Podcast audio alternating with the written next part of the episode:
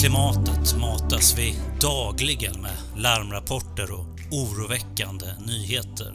För många känns det därför hopplöst. Men är allt verkligen sådär hopplöst? Finns det rent av kanske lösningar? Saker som vi kan göra för att vända utvecklingen till en mer hållbar planet? Förra året gjorde ETCs grundare Johan Ehrenberg en turné med ett enkelt program för att lösa klimatkrisen. För den stora frågan är varför vi inte gör mer när vi faktiskt kan. Här är Johan Ehrenbergs föreläsning Räddningen från Kulturhuset i Stockholm. Räddningen och räddningsjackan handlar ju om att alla kommuner i Sverige kommer att vara tvungna att ha människor anställda som går runt med den här jackan för att tala om hur fan ska vi rädda oss? Eftersom ingen kommun har gjort, eller ingen stad, det vi måste göra. Så nu står vi här och vi vet ju vad det handlar om. Utsläppen, klimathotet som pågår, eller är på riktigt. Det är ingen teori längre. 70 procent beror på fossila utsläpp, 15 procent på jordbrukets utsläpp, 15 procent på att man tar ner skog. Och allt det här är jättelätt att lösa. Och det viktiga att förstå här är att klimatkrisen är en energifråga. Det handlar om det här fossila. Och det är ju roligt att det är en enkelt problem vi pratar om. Och det här är läget för problemet. Utsläppen ökar på jorden, de minskar inte, de ökar. Inget land uppfyller Parisavtalet. Alla som har skrivit på, inte ens Island som skulle kunna göra det, ingen uppfyller Parisavtalet. Ingen stad klarar avtalet. Ingen stad har ens gjort en koldioxidbudget om så här ska vi klara det här avtalet. Och nu har också Grönlandsisen börjat smälta. Nu är det inte teori, nu är det på riktigt och forskarna är helt chockade över hur jävla fort det går. Så här, det skulle ju ta hundra år, men det går jättefort. Och så själv så har jag ont i långfingret. Det betyder numera att jag kan inte böja det för jag har fått artros. Och det där är ju ett jättepolitiskt problem för att nu fick jag ju inte vara med senast på första maj för jag kan inte knyta näven. Utan jag var tvungen att gå med Liberalerna och vifta så här, hej hej, hej hej. Stora problem och små problem. Vilket är det vi bryr oss om? Sen fick vi krig och jag bad min vän Ulf Lundqvist, konstnäring, att göra en enkel bild till er. Ett porträtt på Putin. Och det sjuka med det här kriget, det är det första riktigt stora energikriget. Det är att det är vi som finansierar det. EU har knutit sig till rysk olja och gas för att det var billigt istället för att knyta sig till förnybar energi. Och det har vi gjort under 20 års tid. Och då trodde man ju att ja, men det är ingen fara därför att det innebär mera demokrati och mera handel, blir bra för alla. Det blir precis tvärtom, för när man ger en diktator makten över att leverera, då kommer den diktatorn att använda det för utpressning. Och det är precis det Putin gör. Och vi har ett krig som påverkar hela EU. Vi köper uran, vi köper flygbränsle fortfarande från Ryssland. Vi finansierar med sänkta dieselskatter. 5 000 soldater mer kunde det bli tack vare de sänkta dieselskatterna som gjorde att konsumtionen hölls uppe. Och vem tjänar på det här? Jo, det finns en aktör som faktiskt inte tjänar direkt på kriget, men tjänar på situationen. Och det är de tio största energibolagen på jorden som gör miljard, miljardvinster nu. Övervinsterna har aldrig varit så stora som de är idag. Och det här gör en bara deprimerad, men det finns ju såklart en lösning. Och jag trodde länge att lösningen var politisk socialism. Att man genom jämlikhet och annat skulle kunna vända den här utvecklingen. Men jag insåg för några år sedan att jag är inte längre socialist, utan jag är solcialist. För det är solcialismen som visar vägen ut ur det här förstörande samhället vi har. Och socialismen handlar ju om solen. Och det kan man, upptäckte jag när jag satt här i pyramiderna, den här fantastiska situationen med 5000 års mänsklig historia och vingslag av historien så här. Och helt otroligt ställe att vara på. Och det enda man tänker på när man är där, det är fy fan vad varmt det är. Satan vad jag svettas. När öppnar Pizza Hut som har luftkonditionering? Men jag tänkte också en annan sak när jag satt där. Vad är det egentligen som händer? Och då insåg jag att det som händer är att det kommer en jävla massa energi. Det kommer nämligen 120 000 terawatt från solen hela tiden. Och det betyder ju för oss människor absolut ingenting, för vi vet inte vad det är. Det är bara en siffra. Eh, men jag kan säga att det är väldigt, väldigt mycket. För om ni ser på den där bilden så ser ni att eh, jag har mycket hår på den bilden. Och titta vad som hände. Det bara brändes bort på en halvtimme. Energi. För att förstå storleken så ska man ta och lägga ihop all mänsklig aktivitet när det gäller energi. Alla jävla elbilar, alla industrier, alla bostäder, alla, ja allt. Hur, all el som mänskligheten använder, hur mycket är det? Hela civilisationen. Det är 18 terawatt. 120 000. 18. Hmm. För att verkligen kunna dra en politisk slutsats av det här så måste man gå till det vi gjorde i skolan, nämligen studera hej matematik. Den gamla trevliga matematiken som man inte behövde lära sig räkna, men man kunde lära sig proportioner och former och vi höll på med det där. Det var jätteroligt.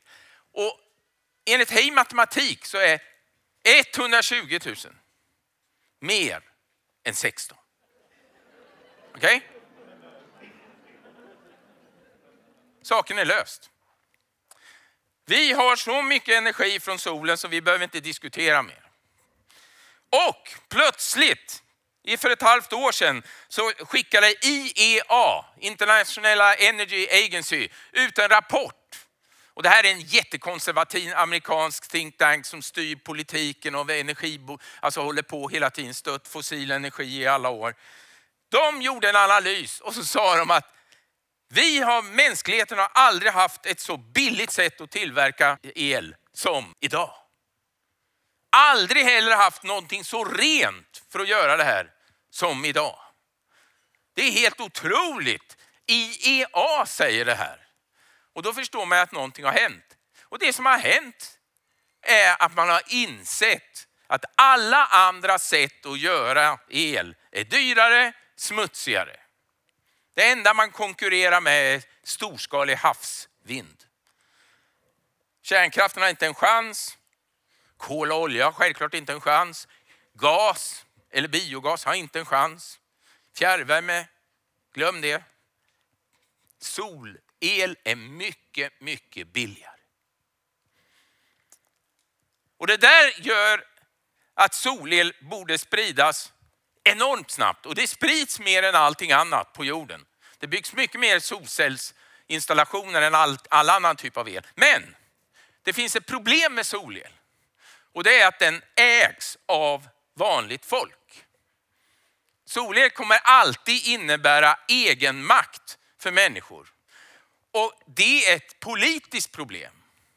Och egenmakten har nämligen en märklig funktion att när tillräckligt många har egenmakt så blir det gemensam makt. Och det där lärde vi oss 2013 i Tyskland när Angela Merkel fick besök av Vattenfall E.ON, RWE och de andra som gick knackade på dörren och sa, vi har ett problem här. Och det var därför att solcellerna den 26 maj, tror jag det var, en lördag, gjorde plötsligt 50 procent av Tysklands hela elkonsumtion. Alltså vanliga solceller, 50 procent. Och det var ju katastrof. För de var ju tvungna att bromsa gaskraften. De var tvungna att stänga av en del kolkraftverk. Och det där är ju inte lönsamt. Så bolagen kom till Angela Merkel och sa, vi har ett förslag och det är ett jättebra förslag. Det är nämligen att vi ska få rätt att stänga av solcellerna när det kommer för mycket el. Smart. Angela Merkel, gammal kärnkraftsingenjör, hon hade dock studerat hejmatematik. För det är alltså sex bolag som styr energipolitiken och producerar elen i Tyskland. Sex stycken. Men det här, solcellsägarna var fem miljoner röstberättigade tyskar. Vem tror ni Angela Merkel var tvungen att lyssna till? Det var val året därpå.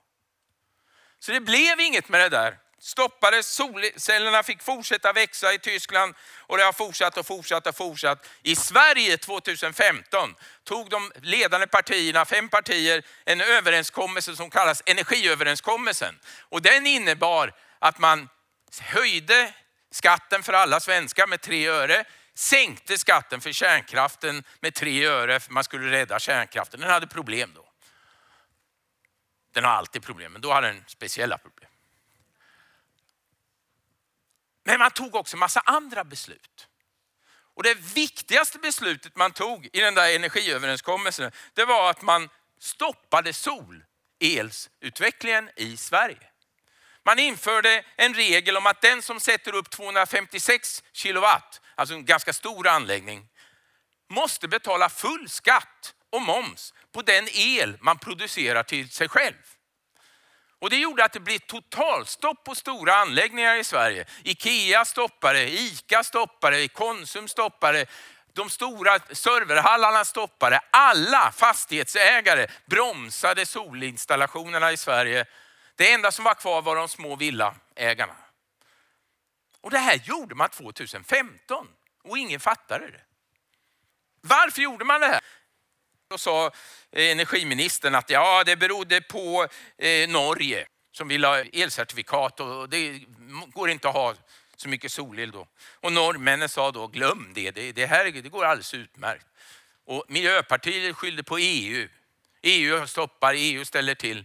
Det som egentligen var sant, och det avslöjade Magdalena Andersson på en presskonferens av misstag troligen, det är att hon sa till slut att ja, men det var ju fjärrvärmen i Sverige som ville att vi skulle stoppa storskalig solel. Därför fjärrvärmen förlorar jättemycket pengar om den inte kan sälja el på sommaren. För då kan den inte leva på att sälja värme. Så kommunala fjärrvärmebolag och de stora, Vattenfall, E.ON och så vidare, hade lyckats lobba igenom så att man stoppade solcellernas utveckling och expansion i Sverige. Vad beror det på att de kunde göra det? Jo, i Sverige var vi bara 30 000 som hade solceller och då kan man inte ändra en politik. Idag är vi 120 000, fortfarande för få. När vi är en miljon så har vi ställt om hela energisystemet och tvingat fram de förändringar. Bland annat att vi ska kunna sätta solceller i en park och flytta den hem till oss utan en massa skattepåslag och så vidare. Det finns jättemycket enkla saker att göra. Men vi har ju problem med Sverige för det är så fruktansvärt litet land. Det vet ni ju. Vi, har, vi, vi är så litet land så vi har inte ens plats för flyktingar. Det går inte, det finns ingen yta. Men om man tänker sig det här lilla, lilla landet, om vi skulle ta bort vind, vatten, kärnkraft, bara som eh, matematiskt, då ska vi producera 150 terawattimmar med sol. Hur stor yta behöver vi för att göra det? Är det hela Sverige, är det halva Sverige, är det Norrland? Vad är det frågan om? Sanningen är att det enda vi behöver göra är att fylla halva Öland. Och det är ju jättebra, det är ju, då är det ju klart. Fast det finns ett problem med det resonemanget, det är att det finns något som heter ölänningar. Eller hur? Och jag ska åka till Mörbylånga och avsluta turnén. Och då kommer det inte gå bra. Så då kommer jag göra så här. Det räcker med en liten del av Stockholm så är försörjt hela Sverige. Det handlar inte om yta. Vi har hur mycket plats som helst. Förstörda åkrar, vi har eh, asfalterade grejer vi kan sätta solcellerna på och vi har våra hustak och så vidare. Och så vidare. Så det är inget problem med solceller i Sverige. Men det är problem med en del män. Ja, ja. Och vad gör du då när eh, det är mörkt? När det är vinter? Vad gör du då va? va? Det roliga med det här är att det här är alltså en VD för ett stort energibolag som på en panel säger det här och jag sitter bredvid. Och då inser jag att det här, den mannen vet ju vad vi gör på natten. Han vet hur man lagrar energi. Men han låtsas som ingenting. Precis som alla politiker och andra som pratar om solel säger, ja men vad gör man när det är mörkt? Jo, man, på mörk, det löser man, det löste vi faktiskt på 50-talet i Sverige. För då byggde vi något som heter vattenkraft. Och vattenkraft är detsamma som gigantiska batterier. När det kommer väldigt mycket sol så att det inte behövs så mycket el så kan vattenkraften bromsa. Och när vattenkraften bromsar då stiger vattenmängden i magasinen. Och sen på kvällen när solen har gått ner så kan vattenkraften öka. Och det där gör den varje dag i Sverige. Reglerar vindkraft och så vidare genom vattenkraften. Så vi har byggt ett system som klarar minst 30 terawattimmar av solel bara genom att använda vattenkraften. Det här vet ju alla politiker. Men ni har aldrig hört det. Inte ens på den här klimatdebatten som var. Var det någon som sa det. Om man inte har vattenkraft, vilket en del länder inte har, då kan man bygga vattenkraften genom pumpkraft. Och pumpkraft är att man har två tankar, en där uppe, en där nere. Där uppe pumpar man upp vatten under dagen när man har mycket vind eller sol. På kvällen får den vattnet rinna tillbaka och då gör man el. Hur lätt som helst. Hade Gotland det så skulle Gotland kunna ha jättemycket solel. Nu stoppas de av Vattenfall för att det finns för lite ledningar som man säger. Pumpkraft låter ju som en liten grej, men det är det inte. Det här är Nantes Drans, ursäkta min franska, ett schweiziskt pumpkraftverk som för två veckor sedan startade. Ett av de absolut största och bästa. Och det fungerar precis som jag sa med att vind och sol gör el. Elen går till husen här, gröna här. Men under dagen så använder man en del av energin till att pumpa vatten från den låga reservoaren till den höga reservoaren och sen sätter man igång pumpkraftverket på kvällen. Schweiz har byggt det här och de har många pumpkraftverk i Schweiz. Och det intressanta är att det är inne i berget. Det innebär att det är ingen förstörelse av eh, miljö eller som vattenkraft där. Man, fiskar och sånt där behöver man inte fundera på eller ekotjänsten utan allt är gjort i ett slutet system. Man kan bygga det med vattentorn och annat också. Man kan göra små, man kan göra stora pumpkraftverk. Men det här är så stort, att det lagrar lika mycket som 400 000 elbilar i ett enda pumpkraftverk. Lika mycket energi. Och om vi vill bygga fler sådana där, då har forskarna pekat ut 600 000 platser som vi billigt och enkelt kan bygga pumpkraft på. Och det enda vi behöver för hela mänskligheten, hela jordens lagring är 6 000. Och det här är ju så helt fantastiskt, för den här tekniken kom 1890. Och varför kan inte svenska politiker lära sig det här? Istället pratar de om kärnkraft, kärnkraft, kärnkraft. Men det här, solel med pumpkraft 24-7 är mycket, mycket billigare än kärnkraft. Hmm. Men den stora revolutionen som förändrar våra liv är inte stora pumpkraftverk utan det är naturligtvis batterier. Och batterier har ju redan befriat er, eller hur? Ni kan idag, vilket ni inte kunde för tio år sedan, ta en selfie på er själva varje morgon och skicka till vänner. Det är ju frihet och framgång. Och utan batterier hade det inte varit möjligt. Men batterier är också någonting som lagrar energi mellan dag och, natt utan problem. Batterierna blir bara billigare och billigare och billigare. Och batterierna lagrar mer och mer och mer och det kommer en massa nya spännande tekniker. Och det här gör att man kan bygga ett helt annat elsystem idag. Det kunde man inte för tio år sedan. Och det här elsystemet, om till exempel ja, vi bygger om elsystemet på en del av Stockholm, då ska man göra så här. 50 procent av elen man behöver lagrar man i batterier. Den kapaciteten vill man ha. 50 procent kommer från vindkraft som är utanför, långt ut. När det gäller vindkraft måste jag bara få säga en sak. Det är det, är det här med moderater. Jag vet inte om ni känner till det, men moderater i kustnära kommuner är emot vindkraft. Och allra konstigast är att de är ungefär i min ålder, de här moderaterna som är emot vindkraft. Och de, har, de är män, de flesta. Och de har av någon märklig anledning fått världens skarpaste ögon på äldre dagar. För de, de kan titta ut fem mil i havet mot Åland och där ser de att det snurrar. Och det finns inte en människa som kan det där förutom 65-åriga moderata ledare. Det är fantastiskt. Nåväl, förutom vindkraft så kommer vi sätta upp 200 procent solel. Alltså mycket mer än vi behöver. Varför gör vi det? Ja, därför att även en mulen dag kan vi då få fullt utav solel. Och solel är så billig att den går att översätta upp för mycket av hela tiden. Eh, det här kallas att man bygger ett elsystem på överproduktion. Och det blir billigare än det vi har idag där man ska leverera exakt det som behövs och aldrig har överproduktion. Den här överproduktionen kan ju sen, när man inte använder den, kan ju användas till vätgas till exempel eller andra produkter. Så det här, det här låter ju, oj oj oj, nu har professor Baltasar varit inne här. Men det är det inte. Utan det här är någonting som vi redan har gjort. Det här är våra hus i Västerås. Våra hus i Västerås är klimatpositiva hus.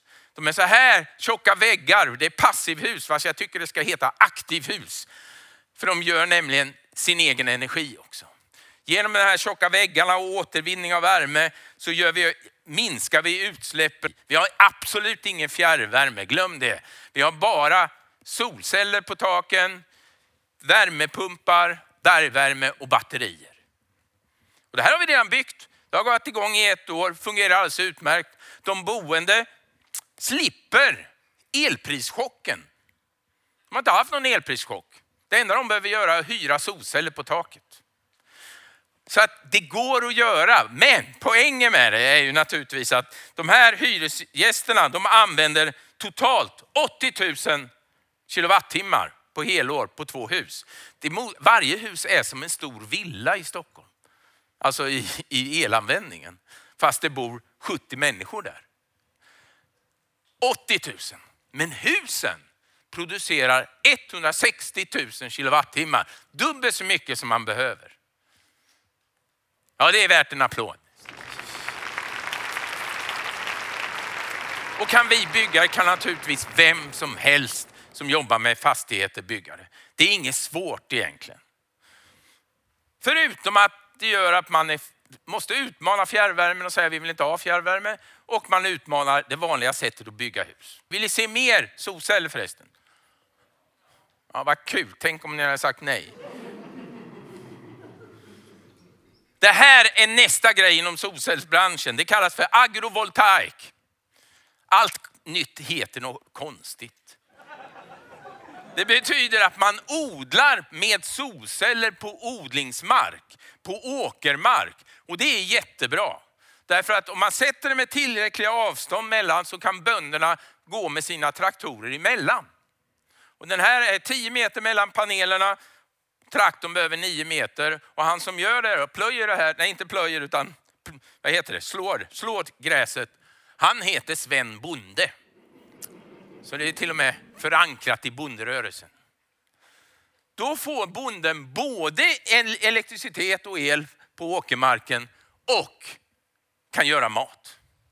Och det här finns ett annat sätt att göra på som vi gör i Katrineholmsparken som ett sätt att driva. Vi har väldigt höga träpelare ovanför grönsaksodlingar och pumper och lite annat. Och på de pelarna har vi satt glesa solceller. Och det innebär att de här växterna, när det kommer för mycket sol, så bränns de inte som de annars kan ha problem med. Men den stora fördelen är att när vattnet lämnar marken på morgonen, för det gör det ju, ni vet, det blir varmt, stiger upp, då fastnar en del av vattnet på undersidan av solcellerna och droppar tillbaka. Så agrovoltaik kommer att lösa hela motsättningen mellan de som säger att vi ska sätta solceller i tätt på fin åkermark och så för att tjäna pengar. Det finns ju de som håller på så. Och istället ska man ställa krav på den här typen av installation. Nu eh, ska vi naturligtvis cykla, mer och inte åka så mycket bil. Vi ska cykla, då ska vi cykla på solcellscykelvägar. Det här är från Holland. Finns och är aktivt. Det är säkert kommunalrådet som cyklar i mitten. Där. Holländarna ritar väldigt mycket solcellsanläggningar. De har kommit längst i Europa faktiskt. De bygger inte alltid, men de ritar det. Och det här är ett förslag till autobahn, deras autobahn. Så där skulle man kunna göra och ha det ganska trevligt. Holländarna ritar fint, men tyskarna ritar inte bara, de sätter upp det och det ser för jävligt ut. Det här är tyska solceller längst autobahn. Man kunde göra det lite snyggare tycker jag, men å andra sidan, vem fan sitter på autobahn för att titta på autobahn? Det är ju så fult. Så vill vi producera all el som behövs för trafik och annat så kan vi göra det helt enkelt genom att använda vägrenen. Mellan Luleå ner till Helsingborg på den här nya vägen El4 så kommer man att producera all energi vi behöver till alla våra bilar.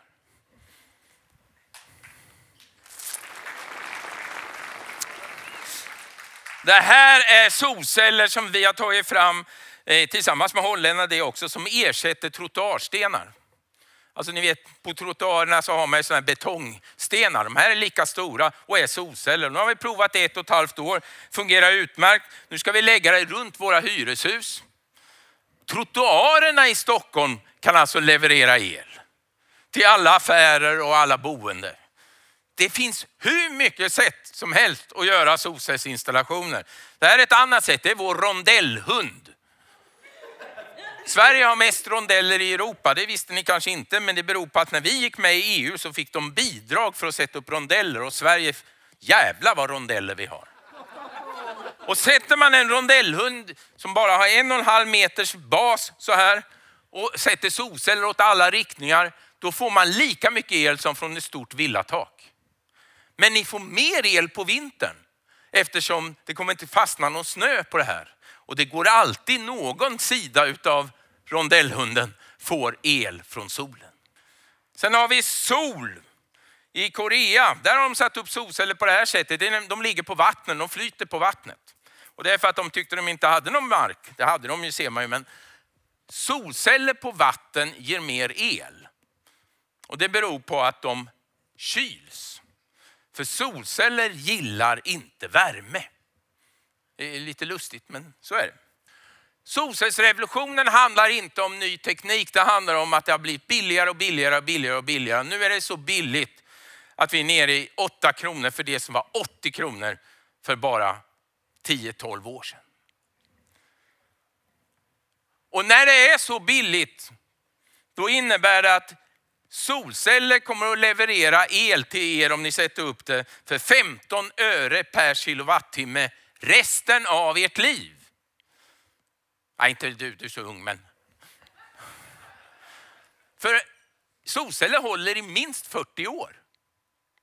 När ni ser kalkyler i Dagens Nyheter om solceller så vet de inte det där. Så de räknar på 10 år och 20 år. Det blir helt tokiga ekvationer. Men det är 40 år som gäller för solceller.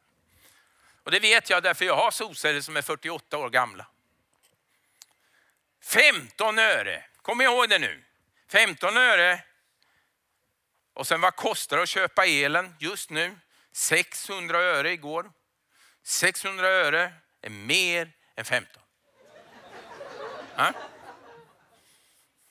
Det bästa sättet att sänka elkostnaden är att faktiskt ha, göra egen el.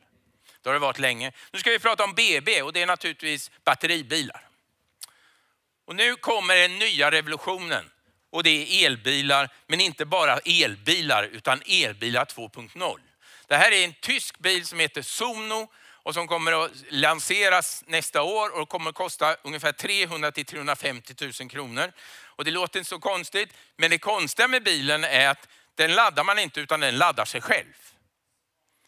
Och det beror på att hela karossen är täckt av solceller.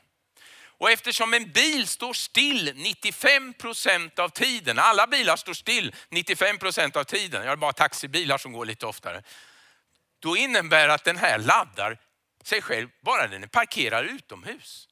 Och då innebär det att vi kommer att slåss i Stockholm. Vem får en parkeringsplats utomhus? Ut ur garaget. Jag vill inte vara i det där trånga garaget. En bil som kan ladda sig själv. Det är ju helt fantastiskt. Det innebär att man ändrar energisystemet ännu mer. Det innebär nämligen att vi kommer att exportera el från våra bilar. En bil kan ju ta emot el, men den kan lika gärna exportera el. Och det innebär att med den där bilen, då kan ni stå ladda den på dagen och sen kan ni koppla den till huset och på kvällen så behöver ni inte köpa el utan ni använder elen som finns i bilen. Och det där provade jag. Det är olagligt men jag gjorde det när coronan kom och jag var på landet. Då kopplade jag elbilen till huset, torpet. Och sen drev jag det torpet i fem dygn med elen som fanns i elbilen. Så även om man inte har en solladdande bil så kan man göra det här. Ni kan redan idag göra det med Nissan Leaf. Då köper man till ett speciell grej som man kan exportera och importera. Då kan ni köpa billig el på natten och konsumera den på dagen. Och det här handlar om att egenmakten flyttas inte bara till att äga solceller och producera el, utan kunna bestämma själv hur man ska konsumera elen. Eller om man ska exportera den och kanske sälja den. Det där fanns inte för några år sedan, nu kommer det. Så hela den här diskussionen som var på klimatdebatten här om, gud vad duktiga de är, de ska sätta upp mycket laddare. Ja, jag kommer inte behöva någon laddare till min bil om den laddar sig själv. De är liksom två år efter politiken hela tiden. Om ni är oroliga över elproduktionen när det kommer elbilar och nu tar elen slut, vad ska vi göra? Vi måste bygga kärnkraft. Då är det faktiskt så att det enda ni behöver göra är att sätta upp solceller på ett garagetak. Då ger ni den elbilen 2000 mil per år på ett enda garagetak. Och då förstår man att vi har ju inte ett elproblem för att gå över till eldrift. Och det här med att gå över till eldrift är väldigt, väldigt viktigt därför att det är det enda som har funkat. Alla andra försök att minska utsläppen med biogas, med bio, biodiesel, med etanol och så vidare. Allt det har visat sig vara falskt. Det har inte funkat. Men elektrifiering funkar. Och om man tänker ihop bilarna med att man faktiskt har hus och får ihop de två, då har vi ett elektrifierat system som blir mycket, mycket mycket billigare än, ja, vi kan ju, ni vet om man kör, kör en bil så går, går, det åt två kilowattimmar för att åka en mil, en elbil. Om det kostar 15 öre så är det ju 30 öre per mil. Och så har ni bensinupproret. Sänk bensinpriset till vad är det, 20 kronor de kräver eller något sånt. Då vill man ju bara informera dem om att 20 kronor är mer än 30 öre. Så att det, det, det, blir mycket billigare för alla. Men är inte batterier smutsiga? Och då är det jätteviktigt att man direkt svarar ja, batterier kan vara smutsiga. Och allt människan producerar ger klimatutsläpp. Det finns nästan ingen produkt som är helt utan klimatutsläpp. Eh, men trots klimatutsläppet från batterier så är de räddningen. Det här är Northvolts batterier. Och det beror på att man måste räkna så här. Hur mycket utsläpp får jag när jag tar, gör ett batteri? Och så jämför jag det med hur mycket utsläpp får jag om jag borrar upp olja, skickar den till Prem, raffinerar den, kör den sen med en transportbil till en bensinmack, tankar den i min bil och kör. Vad är smutsigast och det är alltid, alltid explosionsmotorn och diesel, bensin och gas. De är inte i närheten av det klimatutsläpp som ett batteripack skapar. Men vi ska ändå ställa krav när det gäller batterierna. Northvolt har lovat att återvinna allt i alla sina batterier och det är jätteviktigt för då behöver man inte ha så mycket gruvor. Det, det, gör ju de för att de tjänar pengar på det. Istället för att köpa massa dyra mineraler så kan man använda de man redan har använt en gång. Återvinningen kan faktiskt nu, den gick inte förut, men nu kan den vara hundraprocentig. Och så kommer det nya batterier, nya typer av batterier. Allt från flödesbatterier, saltvattenbatterier, små batterier, stora batterier till svensk produkt som precis har tagits fram, nämligen, och det är forskningsprojekt, träbatterier. Batterier gjorda på trä. Och det är ligninet i träet som man använder då. Och så kan man lagra el i det. Det finns hur mycket roligt som helst som händer. Och så har ni jobben, jobben, jobben, jobben. Ni är socialdemokrater här en del. Jobben, vi måste försvara jobben. Därför tillåter vi smutsiga pappersindustrier att fortsätta så. För det är ändå jobben det handlar om. Och i, i, i Kvarnsveden uppe i Bålänge kämpade partierna länge för att Kvarnsveden skulle vara kvar. Ligger mitt i, i Bålänge. Pappersbruk. Men det gick inte. Till slut så säger ägarna, det här skiter vi vi jobbar någon annanstans, blir billigare. 450 jobb förlorade de. Borlänge, liten kommun, eller inte så liten, men den förlorar 450 jobb, det är viktigt. Då köpte Northvolt Kvarnsveden och bygger nu om det till en batterifabrik och anställer tusen personer i Borlänge. Den gröna omställningen kommer ge mer jobb än någonsin någon våt socialdemokrat har kunnat drömma om. Jobben. Det blir, vår stora politiska kamp kommer att vara att vi inte vi vill komma ner till åtta timmars arbetsdag. För vi kommer att kunna få så mycket jobb. Hela omställningen skapar en enormt ny stor arbetsmarknad. Och vi kommer självklart vara tvungna att ha en kraftig invandring till Sverige för att överhuvudtaget kunna ställa om. Försök bygga ett hus i Sverige utan våra vänner från Lettland, Estland, Litauen eller Polen. Det går inte. Trafiken är nog det enklaste av alla problem. Jag älskar det här eftersom det redan är löst. Hur lång tid tar det? Vi säger tio år för att fixa trafiken. Jag skrev en artikel för fem år sedan där jag sa att 2022 kommer hälften av alla nya bilar vara riktiga elbilar. Och det var en sån här paneldebatt om det också och då svarar Bil Sweden, ha! Det tar minst 30 år. Du är bara en påhitt här. Nu, 2022, i sista kvartalet, är mer än hälften av alla nya bilar som registreras riktiga elbilar. Bensin och diesel på väg bort. Gas på väg bort. 2025 kommer ingen att vilja köpa en sån här smutsig bil därför att banken kommer att säga det är ju inget andrahandsvärde på de där. Du får, inga, du får inte lisa. Du får inte låna för din bil. Det här betyder att vi har skapat världens största energilager med bilarnas batteri. För det här sker ju inte bara i Sverige, det sker ju i alla länder. Lite långsammare i vissa länder, lite snabbare i till exempel Norge och Holland. Så det sker, och energilagret är ju den största makten vi har över lagring av energi. Helt fantastiskt. 2023 kommer alla cyklister få betalt det visste ni kanske inte, men Socialdemokraternas förslag om nya regler, avdragsregler för när man reser till jobbet, reseavdragen. Det kallas för fordonsneutralt. Och då, hör och häpna, en cykel är ett fordon. Så det är bara att cykla till jobbet så får man dra av det på skatten. Och det där tycker jag är jättebra, för det här har vi slagits för. I Stockholm har vi de här trängselavgifterna, vid Liljeholmen där till exempel. Då vill man ju att bilarna ska betala och cyklisterna ska få. För cyklisterna gör ju luften ren åt alla. Den som cyklar är ju en hjälte för de som inte cyklar.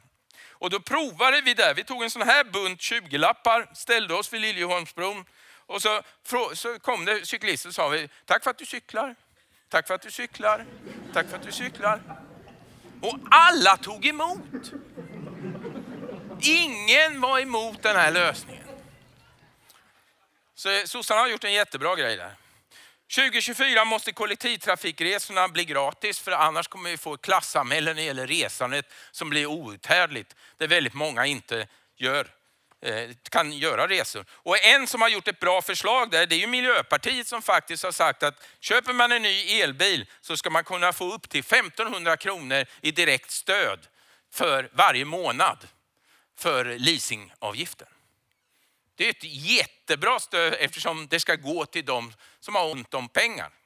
2030 kan vi ha alla transportbilar eldrivna, även de jättestora. Där kan Stockholm redan idag införa en regel om att alla transportbilar, de små som åker in i staden, ska om ett halvt år vara eldrivna. För det finns jättebra små transportbilar för hantverkare och så vidare. Och sen 2030 kommer de snabba tågen ersätta flyget. Äntligen! Bra va? Och det här är inga jävla töntiga höghastighetståg utan det här är magnettåg. 500 kilometer i timmen går de. Från Luleå ner till Hamburg, tjoff på några timmar. Fantastiskt. De finns i Japan. De finns i Kina. Och de finns snart i Tyskland.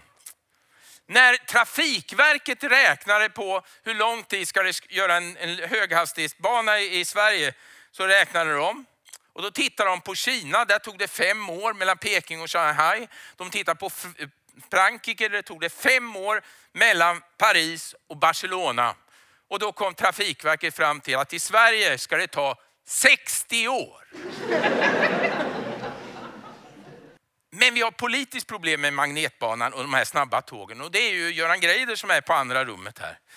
Han är ju ledarskribent i Dagens ETC som jag. Och Göran Greider gillar bara långsamma tåg. Det ska vara långsamt. Så jag tycker att vi gör så här att vi bygger långsamma tåg överallt också. För när vi lämnar den vanliga banan och går till höghastighet så blir det plats med mer tåg. Bra va? Sen 2030 så åker vi robotbilar. Och det här är en viktig, viktig grej. När tekniken är klar, det är inte klar ännu. Eh, jag försöker köra med automater, det funkar inte. Inte i rondeller. Eh, men det kommer naturligtvis funka så småningom och då ringer man. Jag är till exempel i Katrineholm, då ringer jag robotbilen och säger jag skulle behöva åka. Och så kommer robotbilen och säger, jaha, var ska gamle man åka idag då? Då säger jag kanske, jag ska åka till Mörbylånga. Och då säger bilen, igen, säger bilen. Och sen säger bilen, du ser väldigt trött ut. Ska du inte lägga dig ner? Och så lägger jag mig ner och så vaknar jag i Mörbylånga. Fantastiskt. Men det stora poängen är att den där bilen kommer ju inte att stå still, parkerad och vänta på mig medan jag pratar i Mörbylånga. Utan den kommer ju åka runt i Kalmar och Mörbylånga och allt vad det är och jobba hela tiden. Robotbilar gör att man kan minska antalet bilar med någonstans runt 80 procent. Då kan vi ha mindre gator också. Det här är fantastiskt det här med robotbilen. Det innebär att vi inte längre kommer att köpa robotbilar. Vi kommer inte köpa bil privat.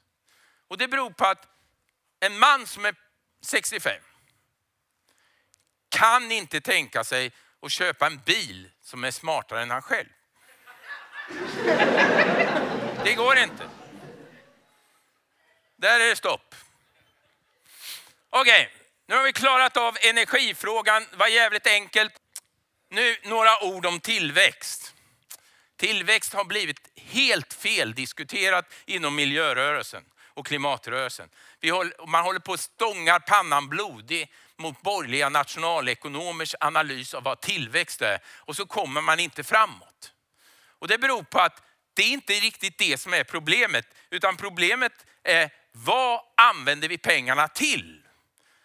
Vi kan nämligen få tillväxt, kraftig tillväxt och nerväxt samtidigt om man gör rätt investeringar. Och jag ska visa några väldigt enkla exempel. Om vi investerar rätt och tar bort den fossila energin, vad händer då? Jo, 50 procent av alla transporter på jorden försvinner. 50 procent! Alla stora båtar, 50 eller 40 procent av dem fraktar nämligen bara olja.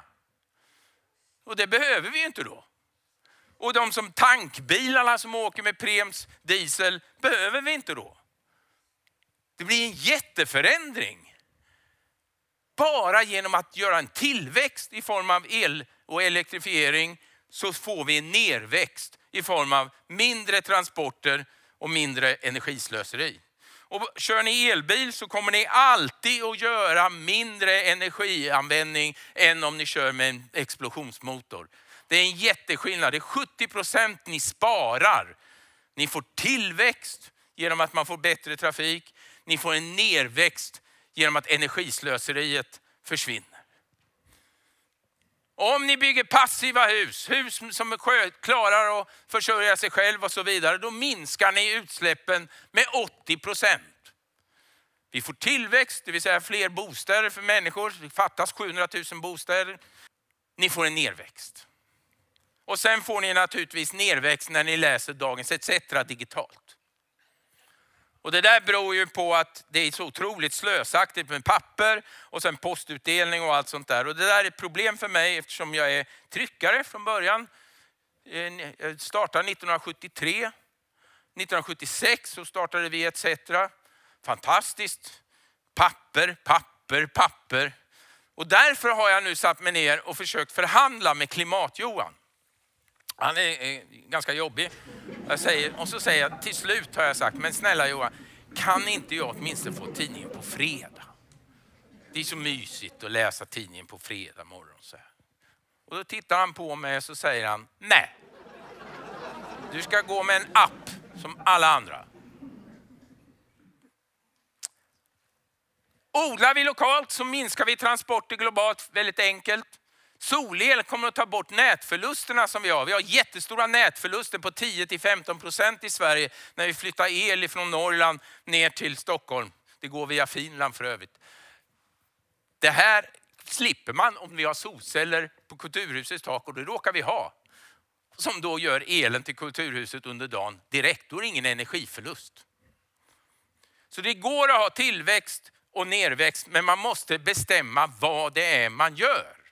Och det är klart att vi ska sluta konsumera kinesiska gosedjur som flyger hit och så vidare. Det är inte det. Det, är, det finns massor med konsumtion som är idiotisk, som vi kan ändra på. Men den stora energifrågan, där handlar det om att tillväxt ger nerväxt om vi gör rätt. Det är inget problem.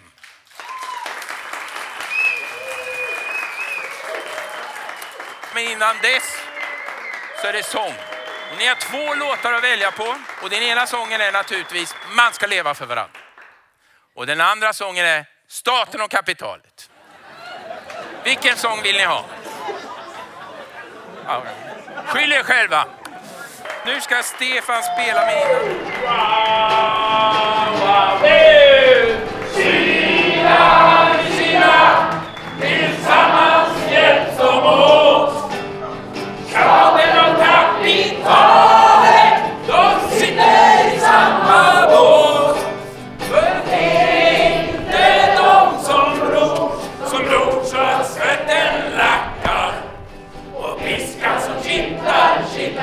Amen.